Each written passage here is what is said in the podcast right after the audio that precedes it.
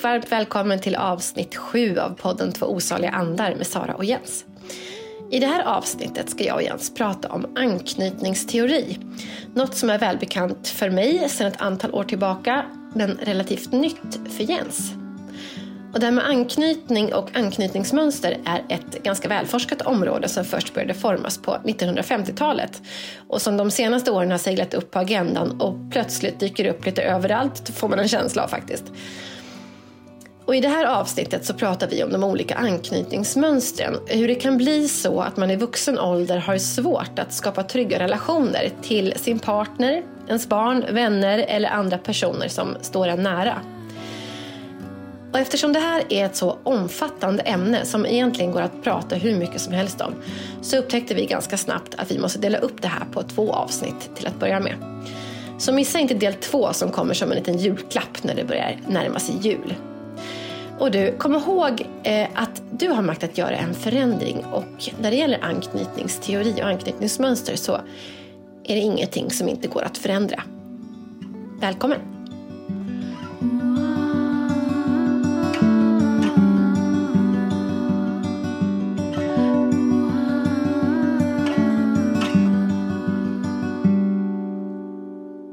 Hej Jens! Hej Sara! Ja, idag har vi ett eh, superspännande ämne. Jag har eh, bara hört talas om det här ämnet som vi kommer att prata om idag ett antal veckor. För det här är alldeles nytt för mig. Mm, precis. Eh, jag tror att det har varit på tapeten. Eller jag, jag, tycker, jag tycker mig liksom se i, eh, i de forum som jag rör mig i att det ändå har kommit upp lite grann på agendan för många. Eh, kanske de senaste två åren eller något sånt där. Och det här är ännu ingenting nytt. Nej, det är verkligen ingenting nytt. Eh, det vi ska prata om är anknytningsteori eller anknytningsmönster. Det är ju så här att när man föds så är man som litet spädbarn helt beroende av att ha en eh, vårdnadstagare som tar hand om en. Och eh, då gäller det för det lilla barnet att, att eh, knyta an till den här personen. Eh, det, är, det är alltså helt livsviktigt. Och det är ju någonting som sker helt instinktivt hos ett spädbarn för att man ska överleva helt enkelt. Och om det då bildas, eller den vuxna måste ju då också knyta an till det lilla barnet.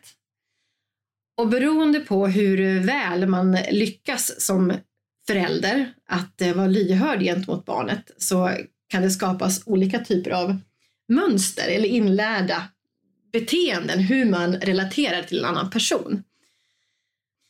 Så om man har en, en förälder då till exempel som, eh, eller vi kan ju först nämna att det finns ett tryggt anknytningsmönster. Och vi ska gå in lite mer i detalj på vad det innebär lite senare. Men i korta drag så betyder det att den vuxna eller föräldern har, har lyckats möta barnet och göra det tryggt. När det behöver, när, när, när det uttrycker något form av behov så har den ju fått det behovet mött så att säga, eller uppfyllt. Så den är, känner sig trygg. Och då spelar det ju ingen roll om man är en, ett väldigt kinkigt barn eller ledset barn så, så är ju inte det någonting som, som skadar liksom anknytningen utan man litar på att föräldern finns där för en i alla fall. Eh, men sen finns det ju då, eh, kan det ju då ske att man har en förälder som inte kan möta ett barn som kanske är väldigt krävande. Kanske gråter mycket eller det kan ju vara att man bara har kolik. Eh, väldigt ont i magen, gråter jättemycket. Föräldern kanske blir otroligt stressad av det här och eh, reagerar med att helt enkelt inte ta upp barnet när det gråter eller avvisar det liksom ganska konstant och visar att det är inte okej okay att gråta. Eller det är inte okej okay att uttrycka känslor, det är inte okej okay att...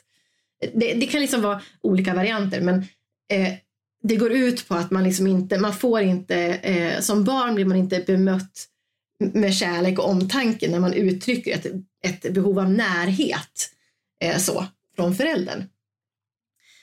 Så det barnet gör då som en strategisk åtgärd för att ändå behålla anknytningen och inte stöta bort föräldern, det är att sluta gråta helt enkelt. För, Oj! Ja, för den märker att jag får inget gehör av min förälder utan den, den försvinner från mig då. Så då slutar jag med det och provar någonting annat. Och det kan ju till exempel då vara att man är väldigt, sköter sig väldigt bra helt enkelt när man är liten. Och det kan hända att man blir beskriven som ett väldigt lätt barn, att man är så snäll och är alltid så nöjd och, och så här. Ehm, för att det är det man lärt sig går hem helt enkelt, för att man ska få bekräftelse och bli sedd av sin förälder. Och då har man skapat ett otryggt undvikande beteende hos ett barn.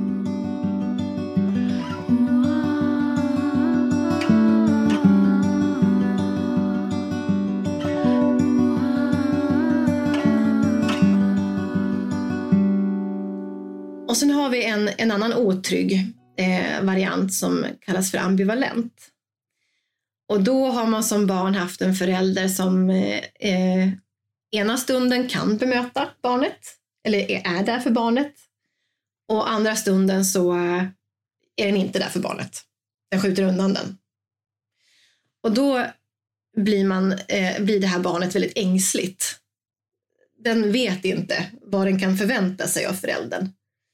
Så att, och då, då kan man se i studier då från, som, som man har gjort med barn och föräldrar. Eh, barn, barn som är undvikande. De har gjort tester där man har eh, barnet och föräldern har varit i, i, i, en okänd miljö för barnet. Och sen har föräldern gått ut. Eh, och eh, det kan ha kommit in någon annan person. Alltså, det är en okänd miljö som, som i normala fall, om man är en, en trygg, ett tryggt barn, så reagerar man på att föräldern går ut. Man kanske blir lite orolig men, men, men kan bli tröstad och så här. Och sen när föräldern kommer in igen så, så tar man emot trösten av föräldern och sen så är det liksom bra. Kortfattat. Eh, men en, ett undvikande barn, det reagerar knappt när föräldern går ut och reagerar knappt heller när föräldern kommer in.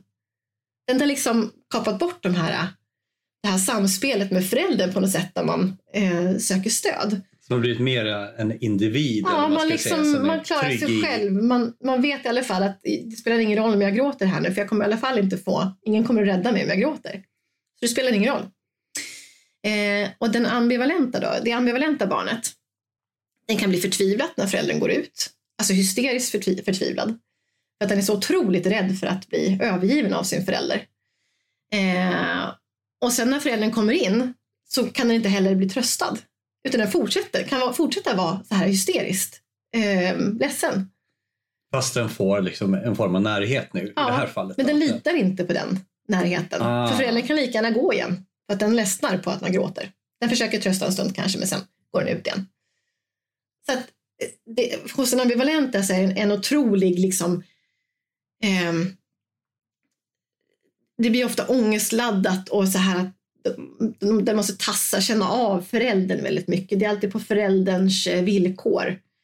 Så det skapar mycket ångest och oro hos de här barnen. Där blir jag som förälder ganska nyfiken för jag vill ju inte föra över en sån här Nej. del till mina barn. Och eh, jag tänker då barn till en, eller om man är ambivalent nu då, så att mm. säga. Och då har man alltså föräldrar som har i ena fallet visat någon form av närhet, om man förstår. Men i många fall också gjort samma som för undvikande, att man liksom mm. skjutit bort mm. lite grann och inte gett den här tryggheten och närheten. Mm. Men betyder det att föräldern då är, har kanske en vilja att vara en bra förälder men inte orkar? Är det Absolut. det som gör att, att man kommer in i det här att man inte tar emot barnet hela tiden? Alltså det här, det här är ju svårt. Och det, det som är väldigt viktigt att säga, det är ju så här att det här är ju, skulle jag säga, oftast föräldrar som har liksom de bästa eh, avsikterna. De vet ju inte om eh, eh liksom, vad, de skapar, vad de skapar för anknytningsmönster här. Det var ingenting som man tänkte på förr i tiden. Eh, alltså, i, I folkmun så är det nog ganska nytt. Det har ju funnits forskning ett tag men ehm, eh, eh, så, så att eh, skulle man fråga en förälder nu, eh, alltså jag skulle fråga mina, eller, och det har jag gjort också, då, det finns ju liksom in, ingen tanke på att man försökte vara alltså hade någon avsikt med det här utan det finns ju ofta goda avsikter med det helt enkelt. Man, man gör så gott man kan. Att man inte hade det någon medveten nej, strategi nej. utan saker blev som de blev. Ja, precis.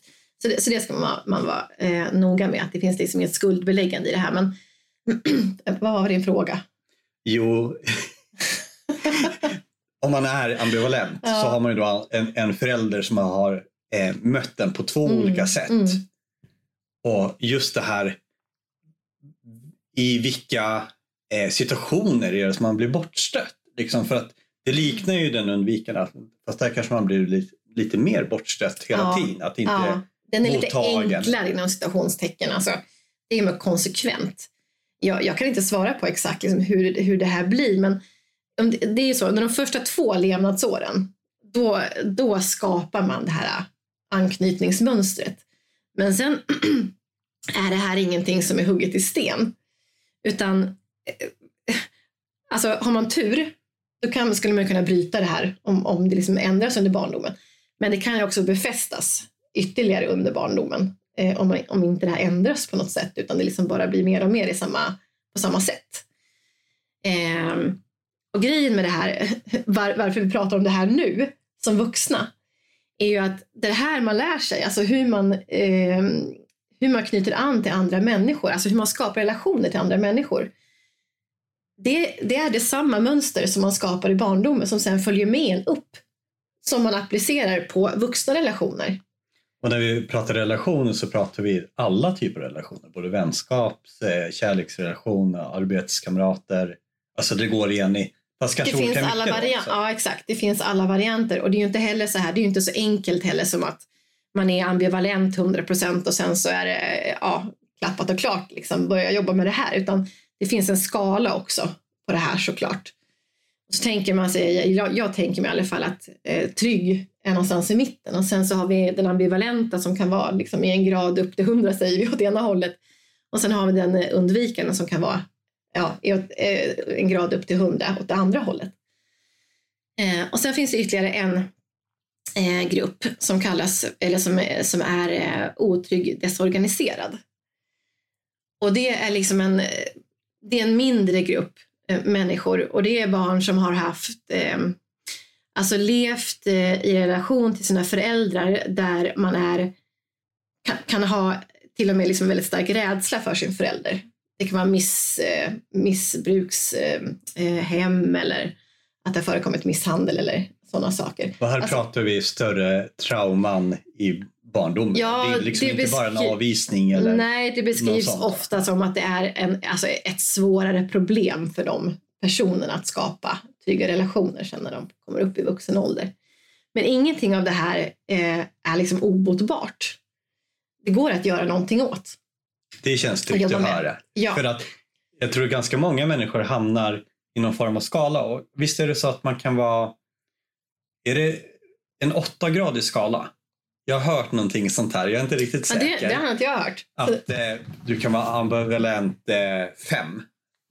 Ah, okay. Och då har du ett visst antal, eh, ungefär som man tänker sig med ADHD så är det ett antal parametrar som måste stämma för att du ska få eh, den diagnosen. Men då har du då drag av mm. eh, ADHD eller autism eller vad det nu kan vara. Mm. Men i det här fallet då så är ju flera eh, otrygga då, symptom innan ambivalensen som mm. du har ju, ju, ju högre liksom klassad blir det. Ja. Nu är jag inte riktigt säker på det här och ja, det men... kanske inte spelar så stor roll. Nej. Men att du kan ha, kanske ha drag av eh, både undvikande och ambivalens eller så har du bara en av dem? Alltså det ambivalenta, det, det, är ju lite grann det här vad själva ambivalensen står för. Att man kan vara både väldigt på och väldigt av eh, i relationer till andra. Eh, så, så att om, så, ja, och då kanske man tycker att den här undvikande att det är ett undvikande beteende men det är fortfarande inom ambivalensbeteendet så att säga. Ja. Eh, precis. Men, men som allting annat eh, så, så, ser jag framför mig att det är som ett spektra. Liksom att, eh, det är så mycket som spelar in. Alltså, man kan ju ha någon diagnos, man kan eh, ha väldigt låg självkänsla, det spelar in jättemycket. Eh, och det kan finnas massor med andra delar av ens personlighet som spelar in i det här och som gör att man hamnar liksom lite olika på den här, ja, har lite olika förmågor att jobba med det också kanske och så.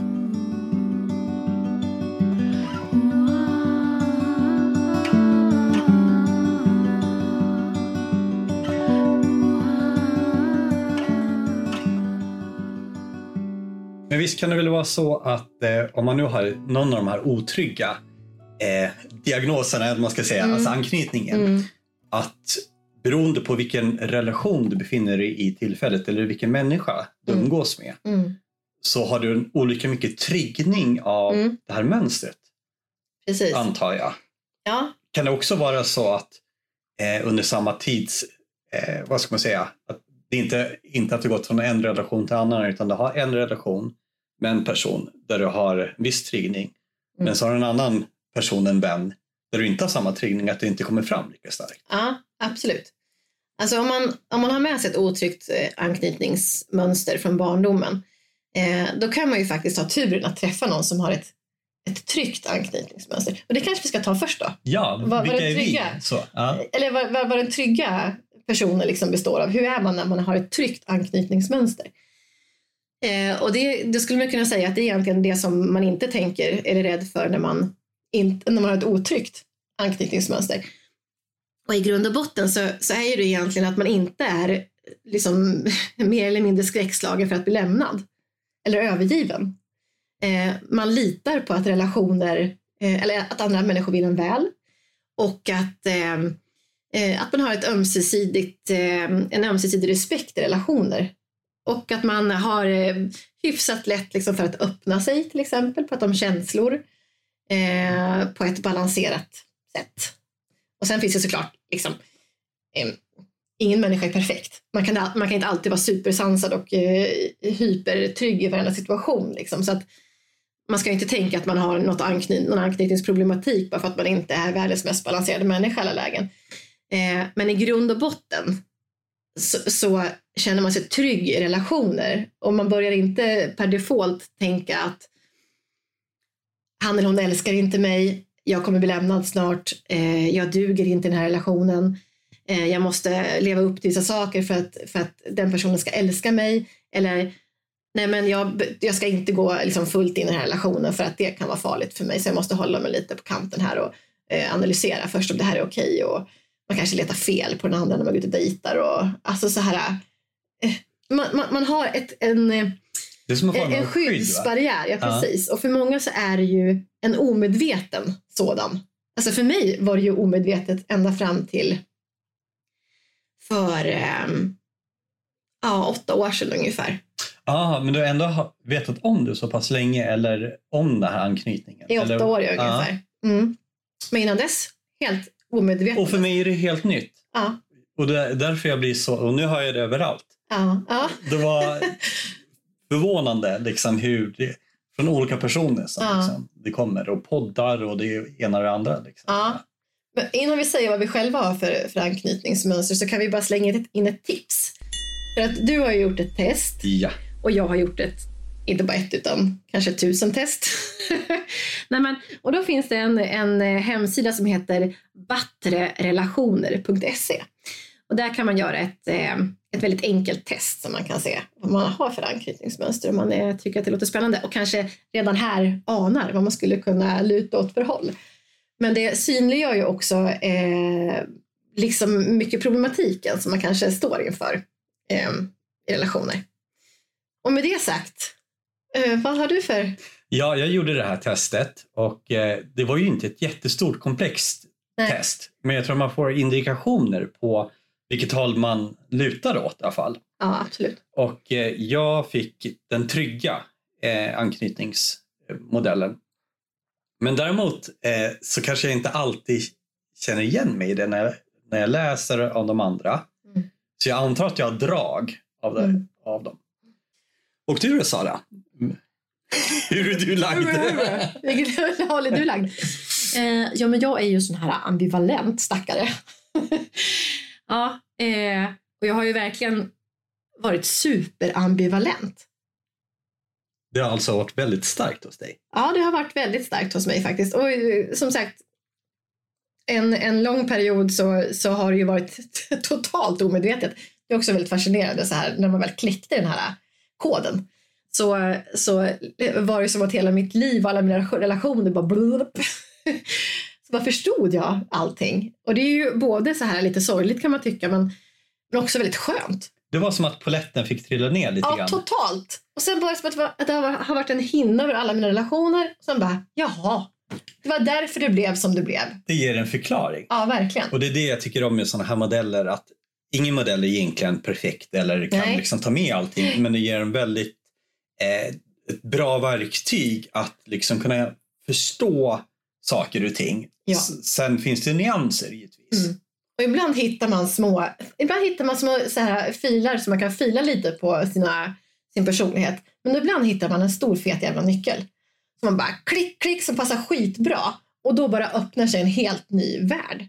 Och så var det, var det verkligen det här med anknytningsteori för mig. Och jag tror att det är säkert är det för väldigt många människor. Eh, men du, innan jag berättar mer om hur det är att vara en ambivalent stackare så ska vi eh, lyssna på Henrik som jag har intervjuat och som har ett, eh, ett otryggt undvikande anknytningsmönster. Så istället för att vi sitter och gissar hur det är så kan han få berätta det själv. Ja, ja. vad spännande. Ja.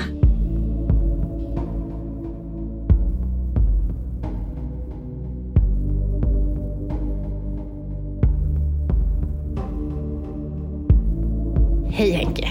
Hej. Hej. Du, eh, du, du var ju und, en undvikande person en gång i tiden. Eller hade ett undvikande anknytningsmönster en gång i tiden. Eller hur? Ja, jo det stämmer. Ja. Men du, eh, om jag liksom lyckas förstå, förstå dig rätt så känner du inte så undvikande nu längre. Nej, men jag är nog i grund och botten en trygg person, men med ett visst undvikande ja, vad ska vi säga, eh, undvikande tendenser men som inte kanske normalt är så framträdande men under perioder i mitt liv så har de varit väldigt framträdande. Ja, men eh, det, det är som att det är vissa saker som triggar det här undvikande mönstret. För du, känner ändå, du kan ändå liksom relatera till den undvikande det undvikande anknytningsmönstret när du, när du läser om det har gjort tester och sånt? Jo, men eh, det, var, det blev väldigt tydligt för mig. Alltså jag visste egentligen inte så mycket om det här förrän eh, förrän en bra bit in i, i det här beteendet kan man säga. Eh, det var ju så att jag liksom kände inte riktigt igen mig. Jag förstod inte mitt, förstod inte riktigt mitt beteende. Det var nytt. Eh, jag kände saker som jag inte hade känt förut. Och hade väl liksom ett beteende som jag inte heller kände igen mig i. Och eh, började men gräva lite i det där och, och, läsa och lyssna på lite poddar och sånt där. Och då, då dök liksom det här med anknytningsmönster upp för mig. Som var helt nytt. Och eh, då märkte jag ju ganska fort att eh, ja, men jag hade ett, ett, ett undvikande anknytningsmönster. Mm. Och när du, när du eh, upptäckte det, hur, liksom, vad hände inom dig då? Eller vad, vad, var det du kände igen i det? I det undvikande? Kan du beskriva det? Fanns det några speciella kännetecken för en undvikande person som, som du verkligen kände att du liksom klickade med? Eller vad man ska säga. Ja, men det var väl framförallt det här med att eh, eh, undvika konflikter framförallt. Eh, saker ja, men jag tog avstånd och distanserade mig från saker som jag kände, var, eh, som jag kände mig otrygg med.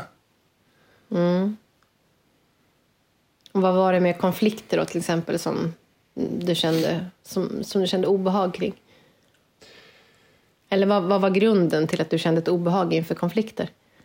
Ja, nej, men det var nog eh, det här med att jag, eh, ris det, det, jag riskerade någonting. Och genom att undvika konflikten så kändes det för mig som att jag eh, inte riskerade lika mycket. Mm. Det var ett sätt att, eh, i, i det här fallet så var, det ett sätt att eh, eh, vad ska vi säga, säkra relationen. Att om jag, om jag gick in i konflikten så riskerade jag att förlora relationen. Så det var, det var en, en rädsla som drev dig, att undvika konflikten? Ja, precis. Mm. Fanns det någonting annat som du kände, kände igen dig i? Ja, men det var väl det här som, som verkar vara väldigt van, vanligt och karaktäristiskt. Det är väl det här att man eh, har svårt att committa sig i en relation. Att man hela tiden står med en fot utanför. Och vad är det man, eller man, vad är, vad är du är rädd för? Vad, vad, vad tänker du kan hända om du committar dig? Det var en, en äh, äh, men en rädsla för att bli sårad. Äh, och ehm, att ge för mycket av sig självt, helt enkelt.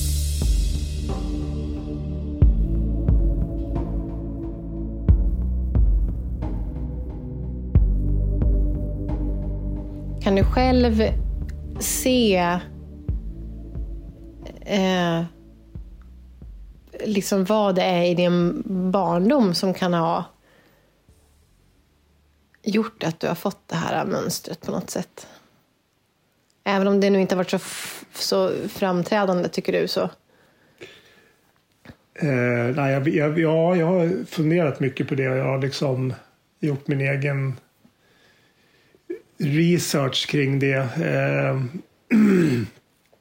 vad, vad, som kan ha liksom legat till grunden för det här. Och eh, det finns väl egentligen inga liksom, eh, rätta svar eller riktiga svar på det. Eh, min mamma lever ju inte längre idag så jag har liksom inte kunnat jag har inte kunnat prata med henne om det. Och min, ja, min, min pappa har ju inte varit delaktig i mitt mitt liv alls. Eh, men vad jag har förstått så, så var väl just min mamma kanske var eh, ja, men hon var en väldigt eh, hon var en kvinna med mycket integritet och som liksom mm, knöt inte an så, så mycket tror jag med med eh, de män som hon har haft. Liksom. Eh, hon hade en ganska kall, kall relation, har jag förstått. Eh, hon har ju inte visat så mycket, alltså hon visade inte oss barn så mycket av den sidan, men jag tror att det var liksom på något sätt så var det väl ändå eh, Alltså jag har ju alltid, jag har ju alltid liksom känt mig älskad men när jag pratar med mina äldre syskon till exempel som liksom uh, minns mer om min barndom, alltså när jag, under den tiden som jag var liksom väldigt liten så, så var hon kanske inte så kärleksfull så som jag mindes henne. Mm. Och jag tror att det här på något sätt, jag var nog alltså innerst inne ganska rädd för att eh, ja, men jag såg hur, hur liksom, förmodligen så har ju jag liksom upplevt att eh, min pappa inte liksom dög mm. som partner till henne. Eh, och hon kickade ju liksom ut honom sen. Det var så de, de bröt upp när jag var väldigt, väldigt liten. Och, jag, och sen har det ju funnits liksom män efter det där hon har haft samma beteende och där tror jag att jag då har snappat upp det här att liksom ja men är man inte tillräckligt bra eller duger man inte så då blir man lämnad.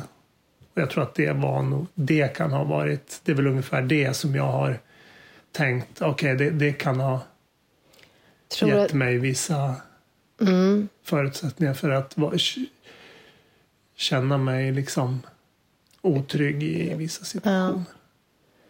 Ja, ja precis.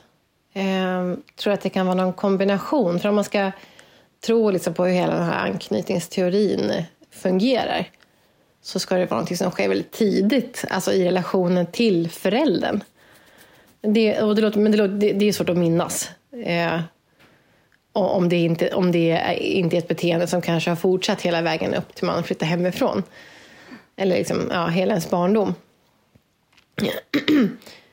eh, men, men det man spontant tänker är att det låter som att det här kan absolut vara, ha, ha påverkat dig starkt.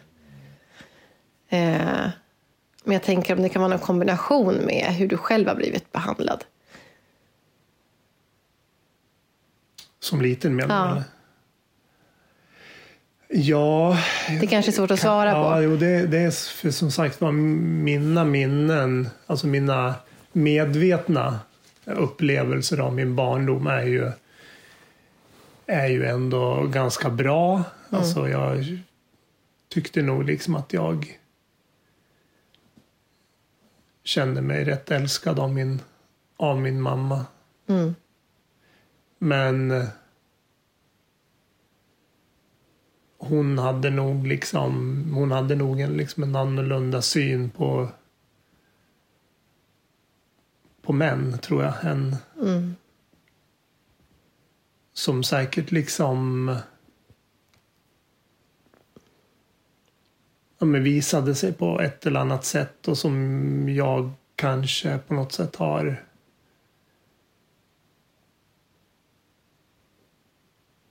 känt någon form av rädsla för. På Mm. sätt att, eh, Ja. Ja. Men du, jag tänker på... Eh, jag, jag som har ett am- ambivalent anknytningsmönster i mig eh, är väldigt känslostyrd. Och eh, undvikande personer ska ju vara mer tankestyrda. Kan du relatera till, till det? Ja, alltså. Jo, jo, det kan jag. Eh, även om jag liksom, jag, med det sagt så, så är vi ju inte, så, så, har jag, så känner jag mig inte, jag känner mig inte liksom känslokall eller känslolös utan vi känner ju i allra högsta grad. Men, men jag, eh, alltså under de här perioderna så, så så bearbetar man ju väldigt mycket hela tiden och analyserar och eh, framförallt så målar man väl upp scenarion för sig själv. Eh, det är väl liksom, liksom det som, ligger, lite- som är lite grunden i det hela. Det är, det är ju det här att man att man intalar sig själv hela tiden. Man, så man har ett, hela tiden ett pågående samtal med sig själv där man säger så här, det här, det här är inte bra. Eh, du, du, du bör nog ta lite avstånd här för det här kommer inte sluta bra. I, Eh, i, alltså, och syftet med den här inre dialogen är liksom att hålla avstånd. ja, Det, är det, som är, det, det ska bli frukten av det hela. Ja, precis. Det är liksom för att rädda sig själv lite Ja. grann. Precis. Så, man, eh, så att om man till exempel, ja men låt oss säga att man i, i en relation så kan man så, så är det snarare så att man nästintill hittar på olika orsaker för varför man inte ska eh, Komma hän- komma hänge sig Ja. i, i en relation. Det, och det kan vara allt ifrån liksom så här, ja, men det kommer aldrig funka, vi kommer aldrig kunna flytta tillsammans. Eh, det funkar inte med våra gemensamma barn eller du vet, det, är allt, allt möjligt för att så att säga eh, rättfärdiga att man inte ska committa sig fullt ut. Ja. Mm. Och vad... Det, det är också ehm, rätt vanligt då att ambivalent och, och otrygga dras till varandra. Det kan ju bli en väldig krock.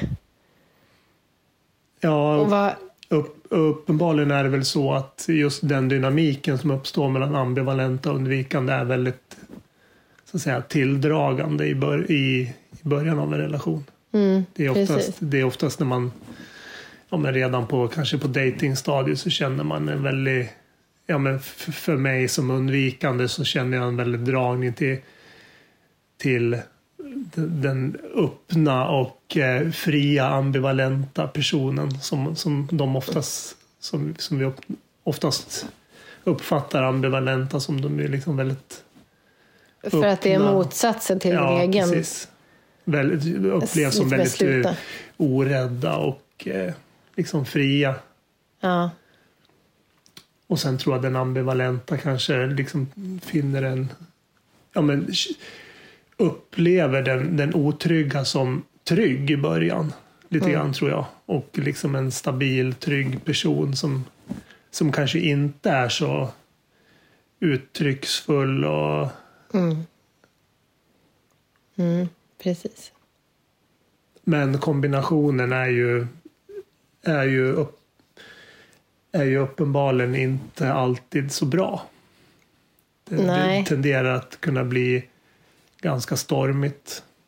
Vad, vad händer då om du känner dig pressad av den andra parten? Att den vill att du ska committa dig mer till relationen? Ja, det, det blir väldigt skrämmande för mig. Mm. Vilket gör att jag distanserar mig ännu mera. Mm. Jag backar undan ifrån relationen. Mm. Men då när du, nu är du ändå medveten om det här.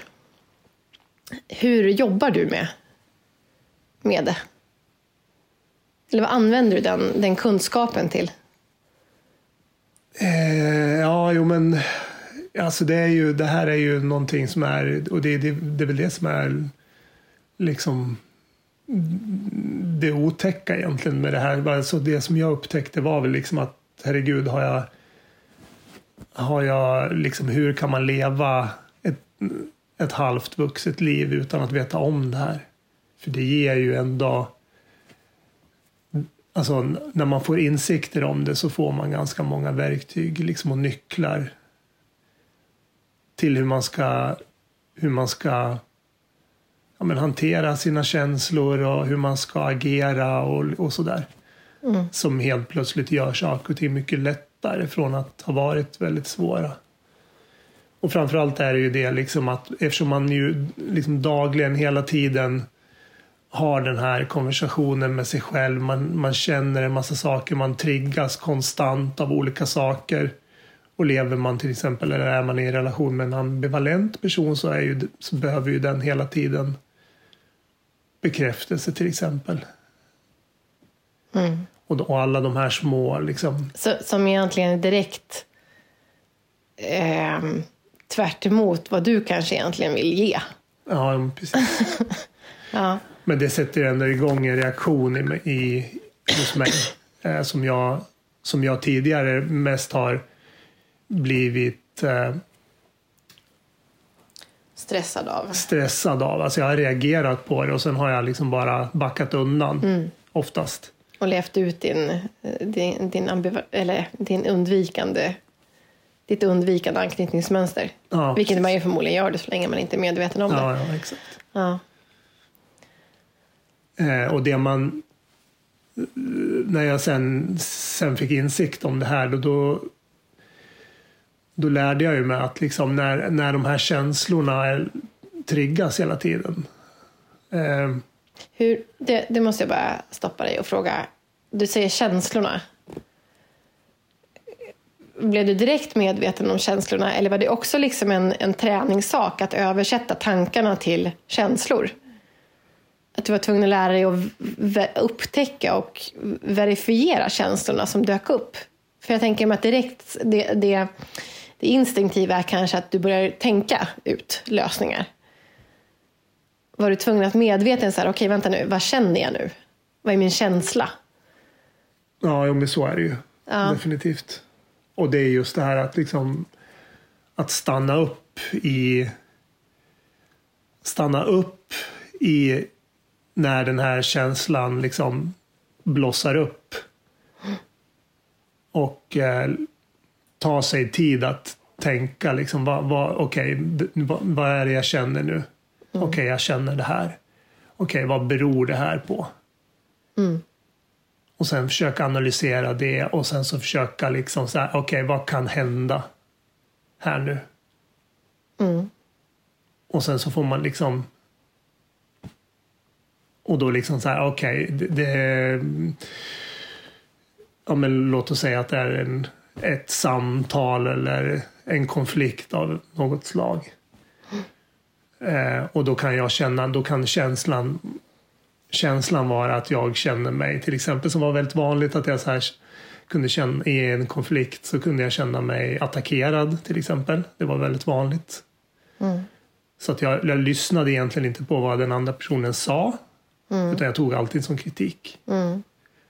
Och reaktionen på det var att liksom oftast lämna rummet till exempel. Mm. liksom lämna konflikten helt. Men det måste ju vara jättesvårt att liksom... eh, För jag tänker mig att oavsett att det är svårt för dig att styra över att den känslan kommer upp, att du känner dig angripen eller ifrågasatt eller kritiserad.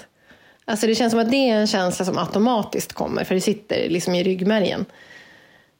Och, och, och den känslan är ju där, alltså den, den talar till kroppen. Det är ju svårt att övertala den att det inte är sant. För att kroppen tänker att den här, det är sant. Det måste krävas enormt mycket jobb för att försöka få bort den känslan och ändå kunna vara kvar och medveten och vända det på något sätt i den här eh, diskussionen eller vad det är för någonting. Ja, jo, det, det är svårt. Och det är ju fortfarande det är svårt än idag ibland kan jag känna.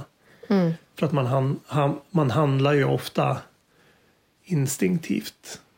Ja, men även om man är medveten om det så kommer Mm. ju känslan. Det, det, går inte, det går inte att tala om för kroppen innan så här att nu ska du inte få känslan. Utan den, den kommer ju som en reaktion på någonting som vi har lärt oss för länge, länge sedan och, och under väldigt lång tid.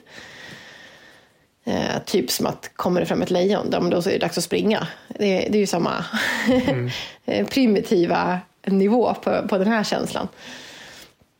Eh, ja. Så även om jag inte har, eh, som ambivalent har liksom samma triggers och känner just den känslan i en konflikt eller i en, i en diskussion så har jag andra känslor som blossar upp som jag inte kan stoppa. Men som man försöker liksom bearbeta med tankens kraft på något sätt. Och eh, såklart kan man försöka även alltså, djupandas och göra andra övningar för att få bukt på den. Mm. Men jag tror en, en, en annan viktig aspekt av som liksom man får på köpet när man eh, när man liksom skaffar sig större insikt om det här är ju, i alla fall var det så för mig, det, att eh, jag var inte bara intresserad av, av mitt mitt eh, anknytningsmönster utan jag, jag vet inte, det kanske inte gäller alla, men jag intresse- intresserade mig också för andra anknytningsmönster för att se liksom och framförallt var det den, det ambivalenta som jag ville lära mig mer om. Eh, och då får man ju också samtidigt en förståelse för hur, hur personer med det mönstret fungerar. Vilket också gör att man kan agera i de här situationerna så kan man liksom dels tänka okej var, varför känner jag så här just nu? Och sen så kan man ju även liksom på något sätt reflektera över varför vad kan den andra personen känna just nu? Mm.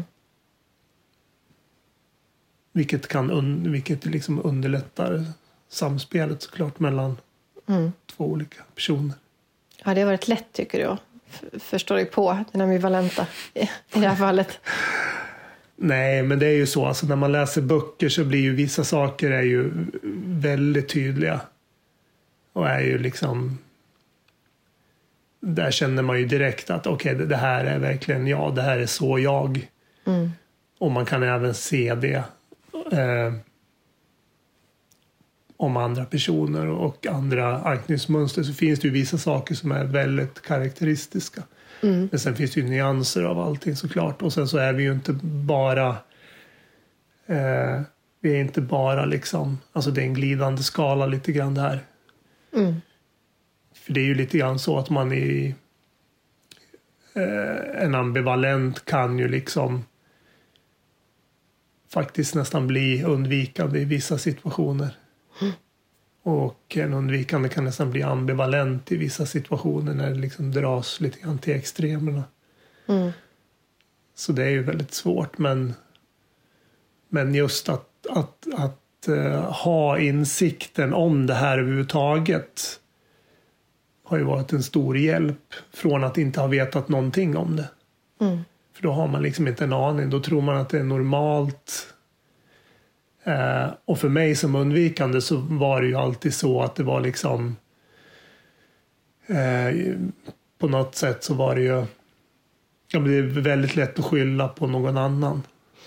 Det var ju en del av försvarsmekanismen ja. att skylla på någon annan. Liksom att ja, men hon hon kritiserar mig för hon vill att jag ska vara annorlunda eller mm, jag, du, jag duger inte för henne. Liksom, och mm, just det. Sådana saker. Mm.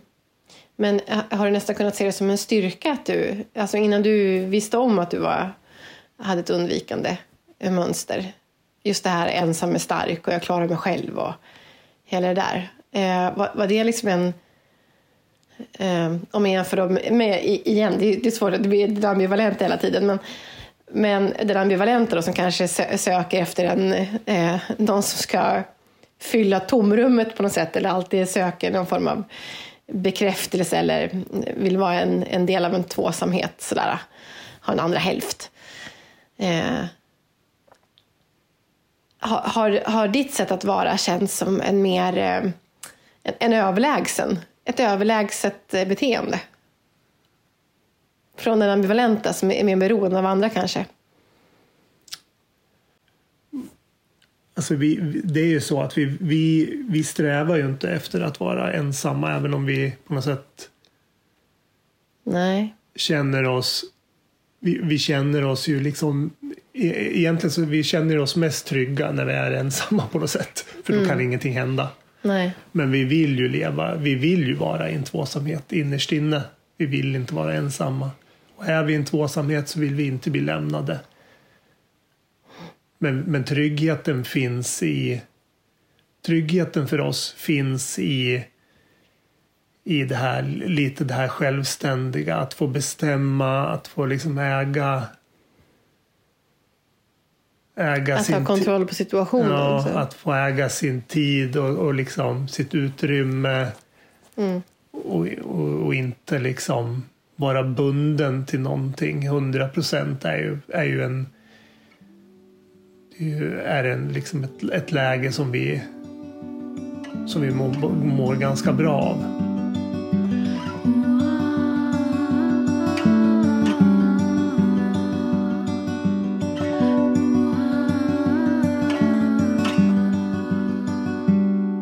det är så intressant att höra eh, ur ett annat, alltså mitt, mitt det motsatta, motsatta perspektivet från mig. Eftersom jag är ambivalent. Undvikande är ju egentligen min totala motsats skulle man kunna säga. Fast ändå inte. Eftersom vi båda... Ni båda ligger på otrygghetsplanet. Ja, exakt. Vi båda är rädda att förlora. Ja. Mm. Men på olika sätt. Men jag skulle vilja veta mycket mer om det här med att vara ambivalent och du är ju ja. superambivalent ser du, eller har varit nej, i alla fall. Nej, nu är jag inte superambivalent längre men jag, jag, jag kan ju verkligen eh, jag, jag, vet hur det är att vara väldigt triggad i sin ambivalens. Um, för där, ja, som sagt, har, har man turen, turen att träffa någon som är, eh, alltså man, om man har med sig ett otryggt eh, anknytningsmönster från barndomen och så har man turen att träffa någon som är trygg så kan man ju faktiskt jobba bort eh, det här mönstret utan att man kanske ens någonsin har varit medveten om att man har haft det här otrygga. Är det någon form av läkningsprocess att, att umgås med en trygg? Då? Ja, jo, men det är det ju. Men eh, ja, det, det ligger ju djupt. Alltså det här är ju någonting som sitter verkligen i reptilhjärnan hos människan om man nu har fått ett, ja, ett lite knepigt anknytningsmönster. Eh, men eh, att vara ambivalent då. Eh, det som är karaktäristiskt för en, en ambivalent person eh, är att, eh, om, om, vi kan ta exemplet då att man har inlett en ny relation. Eh, det som är väldigt vanligt är att man har väldigt bråttom in i relationen. Det är nästan att det här man pratar om att flytta ihop för att eh, liksom säkra upp Exakt. någonting. Man vill säkra upp den andra. Man vill ha, Man nästan ring på för att liksom... man vill ha en garanti för att den här personen kommer aldrig någonsin lämna mig. Fast ju, alltså det, men det är sådana, sådana garantier, alltså man blir aldrig nöjd heller som ambivalent. Utan det är inte så, även om vi gifter oss och flyttar ihop imorgon liksom, så inte det, räcker inte det. Utan man behöver en ständig bekräftelse på att man är eh, älskad och viktig i den, i den andra personens liv.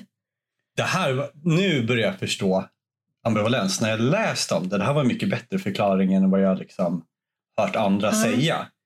Eh, kanske väldigt mycket för att jag sett det här mönstret hos väldigt många människor. Vi, Mm. Jag tror vi alla känner igen det här paret som eh, ständigt liksom ska gå till nästa level i sitt förhållande utan att vara egentligen lyckliga. Vad, vad som syns utåt i alla fall att eh, det är liksom, det, man skaffar en hund tillsammans, man skaffar ett barn och ett till barn, man liksom har flyttat ihop, man har eh, eh gift sig eller och, förlovat sig innan. Liksom, hela tiden någonting. Och om man väl liksom fått alla de här delarna, ja, men då ska det röstas och det ska liksom eh, bekräftas igen med ett till bröllop. Eh, liksom, vad kallar man det för? Så här bröllop när man liksom eh, make the wows again. Papper, folie, Ja, nej, men alltså, det finns ju de som gör det där man bara visar eller liksom lovar att man ska vara liksom ja. fortsatt. Ja, okej. så här. Ja, men man liksom det förnyar man, ja, man äktenskapslöften. förnyar. Ja, precis. Ja. Men det finns aldrig ett liksom nöjd, trygg, eh, vi kan bo, bo isär, vi behöver inte ha alla de här grejerna utan det ska hela tiden till det här nästa för att det ska bli och gud vad mycket tidigare förhållanden som kommer upp nu med Det, ja, med det, det här. ja, men det ja. skulle ju kunna vara ett uttryck för en anknytningsproblematik. Ja. Absolut. Så skulle det kunna vara. Och det är också sådär, eh, om båda är ambivalenta då är det på ett speciellt sätt och om den ena är ambivalent och den andra undvikande så är det på ett annat sätt. Och, så det finns liksom lite olika konstellationer, men det ska vi prata om i del två. Eh, men andra eh, saker som är karaktäris... Kar, kar, karik, vad, säger man? Karik, jag fastnar totalt. Ka, karaktäristiskt. Där satt den. Där satt den, fem poäng. Ja. Ehm, ja, men man har bråttom och sen är det också så här att om man då inte får den här bekräftelsen så är det väldigt lätt att eh, börja måla upp katastroftankar ganska omedelbart. Alltså då, då snackar vi om eh, minuter. Har man förväntat sig att någon ska höra av sig inom en timme eller och inte gör det, ja då börjar man Det är de här sms Känna som en- inte kommer som känns. Ja, Snarare än vad som Jaha, står. vad är det nu då? Liksom. Då börjar man bli lite oro, orolig. Och är man eh, medveten om det här så, så börjar man ju köra en mental övertalningskampanj. Att "Men det är ingen fara, det är lugnt. Ehm, Det är helt normalt, skärp dig nu. Men det är alltså grejen med anknytningen är ju att vad jag än tänker, vad jag än vill, vad jag än förstår rent mentalt så kommer min kropp att tala om för mig att nu är det fara och färde. Eh, Det är som en varningsklocka som börjar går väldigt igång. snabbt. Ja, jajamän. För det, det, det är ju samma sak som när jag var liten. När jag kunde bli över, övergiven av mina föräldrar. Jag kunde ju ligga ute och frysa ihjäl på gatan eller svälta ihjäl eller dö. Men vad händer då när eh, först, låt säga att det är sms nu eller ett telefonsamtal som inte kommer. Mm. Och det här måste ju vara en vanlig triggande situation. Men så helt plötsligt kommer det här svaret eller telefonsamtalet. Mm. Blir det ett lyckorus då istället? Att ah, men det var ingen fara, åh vad härligt och jag visste väl att det ändå var bra. Eller blir det liksom är det fortsatt otryggt Ja, trots bekräftelsen? ja, det finns det. det, finns, alltså det och det otrygga ligger liksom alltid där. Sätt. Sen är det inte lika uttalat såklart hela tiden och ibland så kanske man inte tänker på eller känner av det direkt. Eh, men det är inte så att det, det direkt blir lugnt om man tänker att allt är bra så fort den andra personen hör av sig. Eh, det är klart att det är skönt att få en bekräftelse. Men det, det måste ju också bekräftelsen vara precis som jag har tänkt mig. Det får inte vara så här, okej, Ja, Eller just det. Eller att det är en tvetydighet det får inte finnas minsta tvivel. Jag får inte, ha, det får inte finnas något utrymme för att jag kan tolka det här som att han älskar inte mig.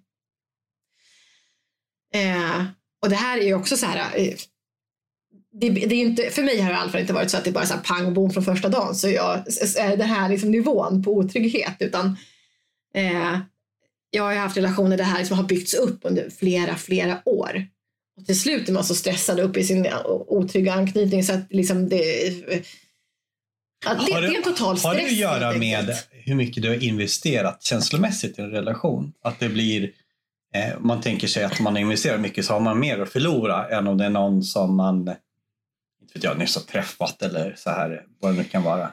Eh. Att det blir liksom, förstår du vad jag menar? Ja, eh, det kanske har en del med saken att göra, men jag tror snarare att det har att göra med att när man själv inte är medveten om eh, eller det är så här, om man inte jobbar med det här. Om man fortfarande är i sin, alltså man kan ju vara hur, hur medveten som helst om problemet. Men om man inte jobbar med det så att man kan stävja sin egen stress. Då kommer ju den här stressen att bli otroligt påfrestande. Och det jag inte förstod eh, i min ambivalens, även om jag förstod, eh, visste om det och var medveten om det, så försökte jag trycka ner eh, min ambivalens genom mitt medvetande. Och det funkar inte. Eller det funkade inte för mig i alla fall. Utan det enda som hände var att jag bara tryckte ner all stress och försökte släta över den genom att säga det är ingen fara, sa jag mentalt till mig själv. Men det var ju ingenting som fick, som lugnade mitt Du kunde ju inte stress. övertala dig själv eller lugna med det, nej. utan du kunde kanske bara sätta ett ord på det. Ja, nej. Utan min erfarenhet är att ska man lyckas med det i en relation, då krävs det att den andra parten eh, är medveten om det och hjälper till. Ah. Men det ska också gå in på mer i, i del två. Uh, det, det, det, är lätt, det är lätt att man glider över på liksom vuxna relationer för det, ja. det är där man behöver hjälp som Jag försöker såklart. översätta det här till mitt perspektiv. Uh. Och jag har ju haft en egen problematik med någonting annorlunda men som snarlikt som kallas för hälsoångest. Mm. Eh, vilket egentligen är att om du får symptom på någonting så kan du liksom trigga en oro Precis som mm. med en relation mm. då, i anknytningen. Att ja, men nu är det något fel och då känner jag mer i kroppen mm.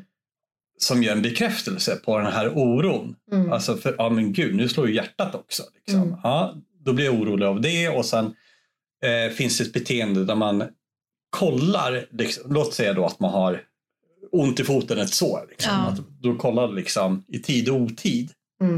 På det här. Man letar bekräftelse. Man letar bekräftelse på, men är det verkligen så här illa? Ja. Så, nej, men så var det väl inte. Så kollar man efter fem minuter och så shit och sen liksom mm. fortsätter mm. så här. Mm. Eh, och där får man ju arbeta ganska mycket med att sluta att göra de här äh, bekräftelsesökande eller man ska säga kolla upp sina symptom. Mm. Utan man liksom tränar på att släppa det här helt. Mm. Mm. Det låter som att oro kan manifestera sig i så många olika former. Mm. Om det nu är en anknytning så finns det kanske en bakgrund till det här då ända från födseln eller mm. de första levnadsåren. Men det kan också manifestera sig på så många olika typer ja. av eh, nästan stressrelaterade besvär för att det blir ju liksom en stress i, kroppen. Eh, att man har, eh, jag vet inte om det är adrenalin eller vad det nu är för hormoner som utsöndras som gör att man har den här otrygga delen som ligger. Ja, precis. Och det, finns, det finns ju säkert, eh, alltså om man har eh, någon form av problematik med oro så, så kan det säkert också bara vara en, eh, någonting som ger en annan dimension på det här med anknytning. Alltså hur man, hur man agerar och hur man är i sitt anknytningsmönster.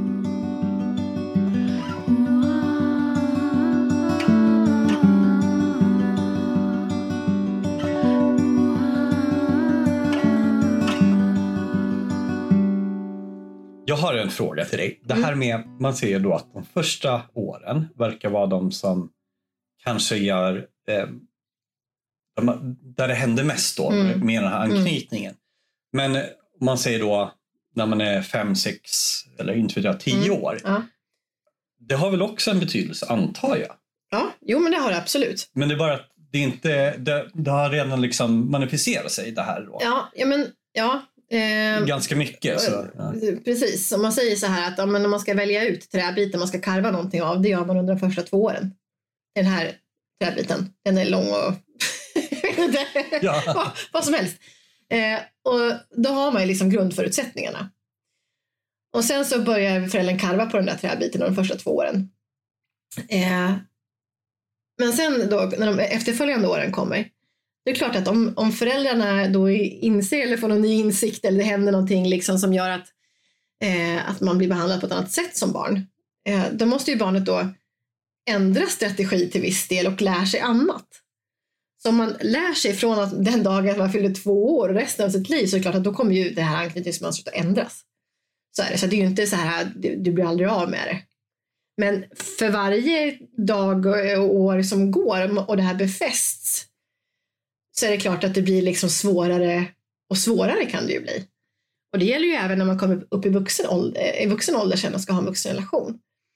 Om man, eh, och tyvärr då, om man har ett otryggt, eh, en, en otrygg anknytning så är det ju ofta så att man dras till det man känner igen från det när man var liten.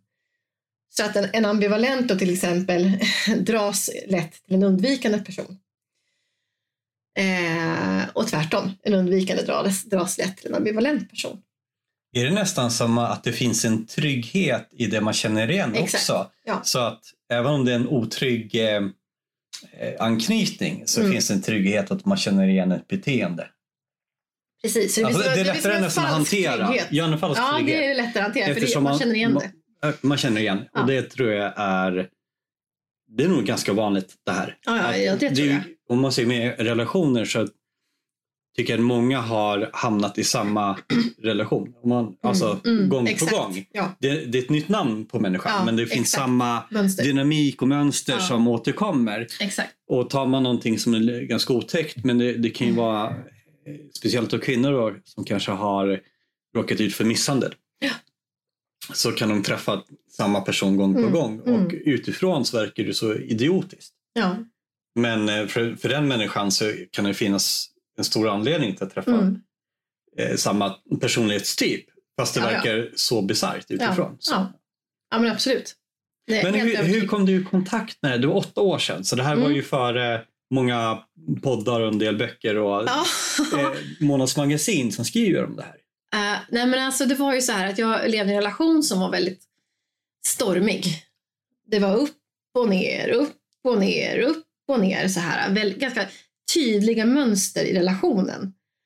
Och eftersom att det var det så, så började jag säga, men alltså det, det är ju något fel. Hur fasiken kan det bli så här? För jag hade inte, den, alltså den relationen jag hade innan dess var inte alls sådär. Den var inte stormig. Nej, den var, nej, lugn- den var, den väldigt lugn eller så. Ja. liksom eh, platt. eller Ja. lugn, Liksom. Ja. Eh, om det här var upp och ner så var den liksom Ja. tvärtom nästan. Ehm, så då var det så det blev, det blev så påtaglig skillnad. Så då började jag söka på, eh, jag, vet, jag vet kommer kom inte ihåg vad jag sökte på, men, men jag började leta, liksom relationsproblem, alltså något sånt där säkert.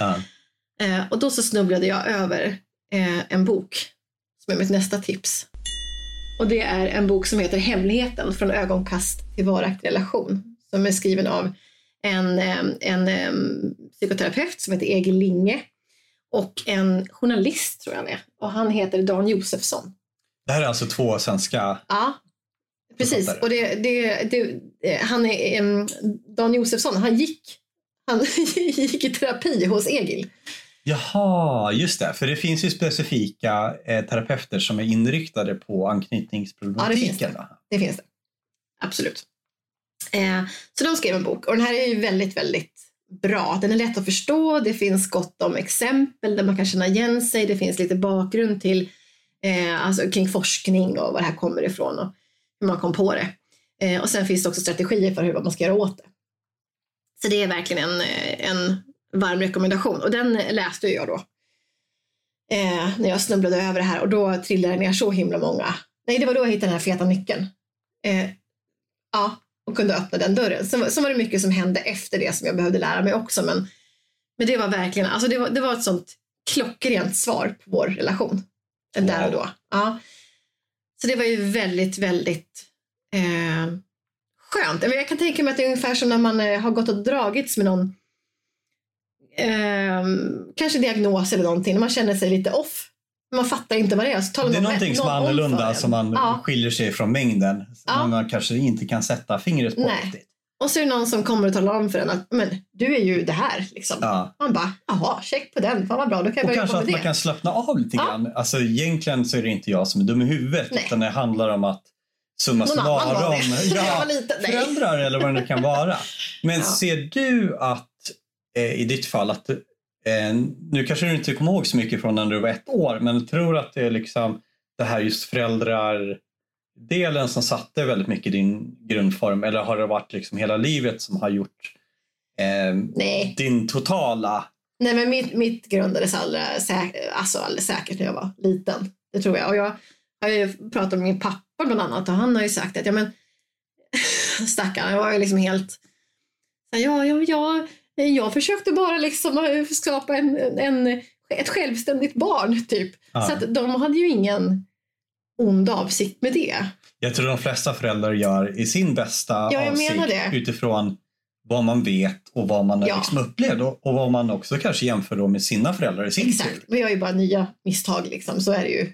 Ja, nu, nu tänker jag på det här med anknytning med mina barn, men jag är ju säkert fuckar upp dem på sätt. Det tror jag definitivt. Jag tror att hur man än gör som förälder så ser det ju saker man är omedveten om. Man har inte Ja. energi till att justera sitt eget beteende. För jag kan sitta, jag kan ju Ja. säga saker till mina barn som kanske inte var det smartaste, men Nej. i, sin sätta.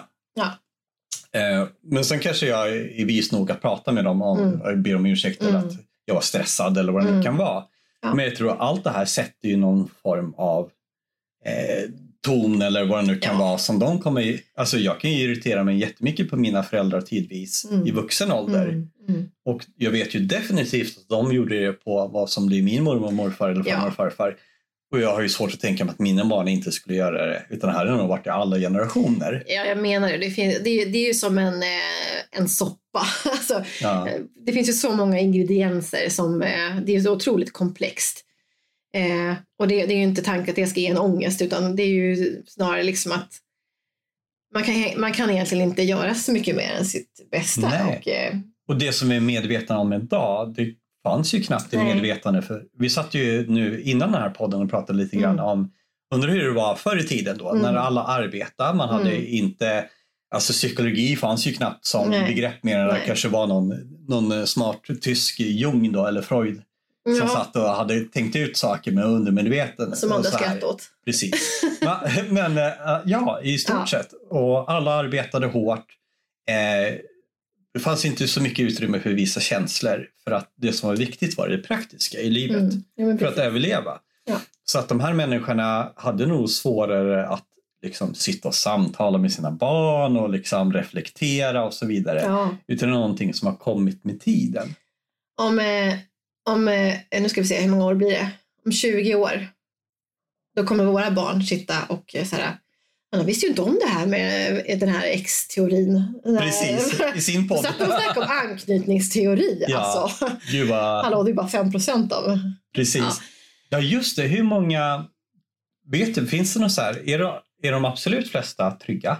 Eller är det Ja, liksom... de flesta är trygga. Det är väldigt vanligt i alla fall. Ja, det, det- tack och lov. Vanligare än de otrygga. Men eh, det, det är ju rätt vanligt. Sen, sen är det också så här, ja, vad är en otrygg? Det, det finns ju så otroligt eh, liksom eh, marginaler hit och dit. Så att man kan säkert vara lite otrygg under en period. Om man, om man har en liten liksom, otrygg tendens och så råkar man hamna med fel person. Det är klart att då kan ju den här otrygga anknytningen kanske blossa upp och få lite mer vatten på sin kvarn. Ja, att den liksom får bränsle som en eld Ja, nästan. Så ja. Och sen kan man, leva, kan man kanske ha ett otryggt mönster men leva med en väldigt trygg person som vet precis hur den ska hantera en. Så då känner man sig supertrygg. ja.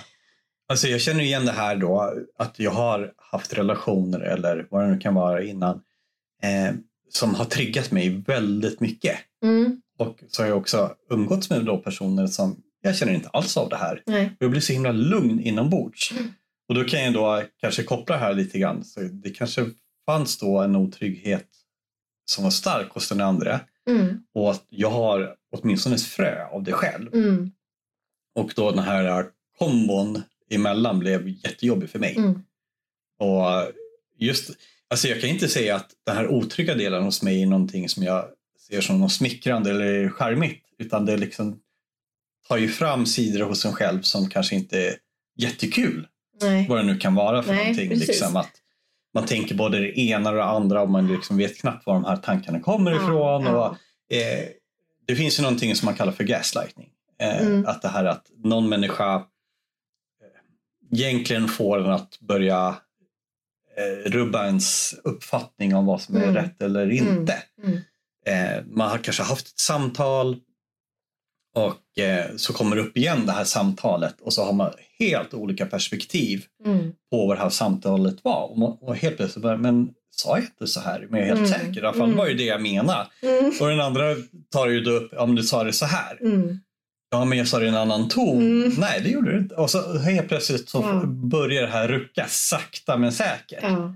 Och är det då en, en, en dramaperson, en manipulativ eller kanske har drag åt då de här narcissist, sociopat, eh, psykopat eh, lite grann. Behöver ju inte vara full-blown. Eh, så tror jag att det här kan trigga igång den här otrygga känslan Ja, i en absolut. själv. För att Absolut. man vet inte riktigt, eh, tvivla på sig själv och inte bara på den andra partnern. Ja, precis. Men den som, den som trillar dit på de här relationerna. Dels så tror jag att det har att göra med, det kan ha att göra med problem- problematiken eller anknytningsmönstret. Eh, men sen har, tror jag också att det mycket har att göra det här att sätta gränser. Så känna igen vad rätt och fel. Det ska, kan vi också prata om i ett annat ämne. De, där, de där stöter jag ofta, eh, det har varit väldigt tydligt åt, åtföljts i mitt liv. Där bristen på att kunna säga, alltså känna sig själv. Eh, som ambivalent så, så är man ju väldigt uppmärksam på vad alla andra eh, behöver hela tiden. Eller vad, hur man känner ju av liksom sina föräldrar då eh, hela tiden för att kunna hitta den optimala liksom, beteendet för att få mest kärlek så att säga. Ehm, så då är man inte van att tänka på sina egna behov. För det har inte kanske föräldern gjort. Det där känner jag igen mig hos mig väldigt mycket. Att jag Mm. har nästan alltid varit en människa som har observerat andra och känt av väldigt mycket om det är så att en blick går åt fel håll. Mm. Alltså, nog Precis. har jag märkt det alltid. Sen har jag blinda fläckar vet jag. Mm. Att vissa saker kanske jag inte observerar. Mm. Men eh, det här kanske också har lett kanske till um, känslighet och eventuellt en empati. Mm. Att kunna känna in och läsa andra människor på ett Mm. sätt som jag kanske inte hade gjort. Eh, om jag bara tänker att alla vill gott eller alla tycker om mig hela tiden utan reservationer. Så hade jag nog aldrig behövt bry mig så mycket. Nej, Så. Men det finns där hela Ja, tiden det- lite grann i ja. bakgrunden. jo, men det känns ju rimligt. Om man är en väldigt, har övat väldigt mycket på det helt enkelt och läsa av andra människor så blir man ju bra på det. Ja. Så är det ju. Sen, sen om det inte alltid kommer ur någonting gott, ja men ja, det, det är nog en styrka. Absolut. Och man kan lära sig att lyssna på sig själv också. Ja. Så att det blir en balans där. Jag vet inte om det har med saken att göra, men när du tog upp det här med att man inte brytt sig om sig Mm. själv så mycket. Man har lyssnat och observerat andra i en relation. Mm. Sådär. Hur är den personen idag? Vad gör det för marr? Vad, vad har Mm. hänt och vad har inte hänt och så vidare. Eh, jag kunde ju känna av lite grann att jag var, speciellt i tonåren, någonting som jag kallade själv då för kameleont. Mm. Det var så att jag kunde glida in eh, anta olika roller nästan. Alltså att jag Mm. kunde då... Eh, jag visste inte vem jag var till slut. Nej. Utan jag skulle kunna glida in eh, på ett styrelsemöte i princip och kunna Passa in där. Passa in jättebra. Men jag skulle också kunna hänga på den här HD-klubben. Mm. Eh, eller eh, i industri Ja. eller vad det nu kan vara Ja, liksom, i ja. syjuntan. Det, det spelar ingen roll. upp direkt vad Snappa upp på gällde. en gång. Sådär. Mm. Men det gjorde ju också då att eh, vem nu jag var, det var inte klart. Det var som att jag var som en luddig form. Mm. Jag visste inte själv. Mm, jag känner också igen dig, mig i det där. Intressant. Ja, det är väldigt intressant. Men vad ska vi prata om då i nästa avsnitt med det här? Ja, men då, eh, hur gör man då? Ja, vi Alltså, måste bli konkreta. ja. Vad är det för verktyg? Ja, men precis. Och kanske också så här, vilka situationer kan dyka upp eh, när man måste tas med det här då, i vuxen ålder. Och vad, vad ska man inte göra kanske? Alltså, vad, när ska man dra i handbromsen? För det är ju otroligt viktigt.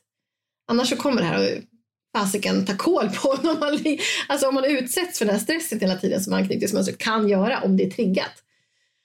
så blir det väldigt, väldigt jobbigt. För det är verkligen en stress. Det är, det är en tvättäkta stress. Jag ja. gick in i väggen, eller blev utmattad ja. på grund av det. Och utmattad kan man ju bli av alla sådana här olika situationer. Ja, det är inte stress. bara jobb, nej, det är inte bara eh, katastrof. Stress som stress. Stress som stress, ja.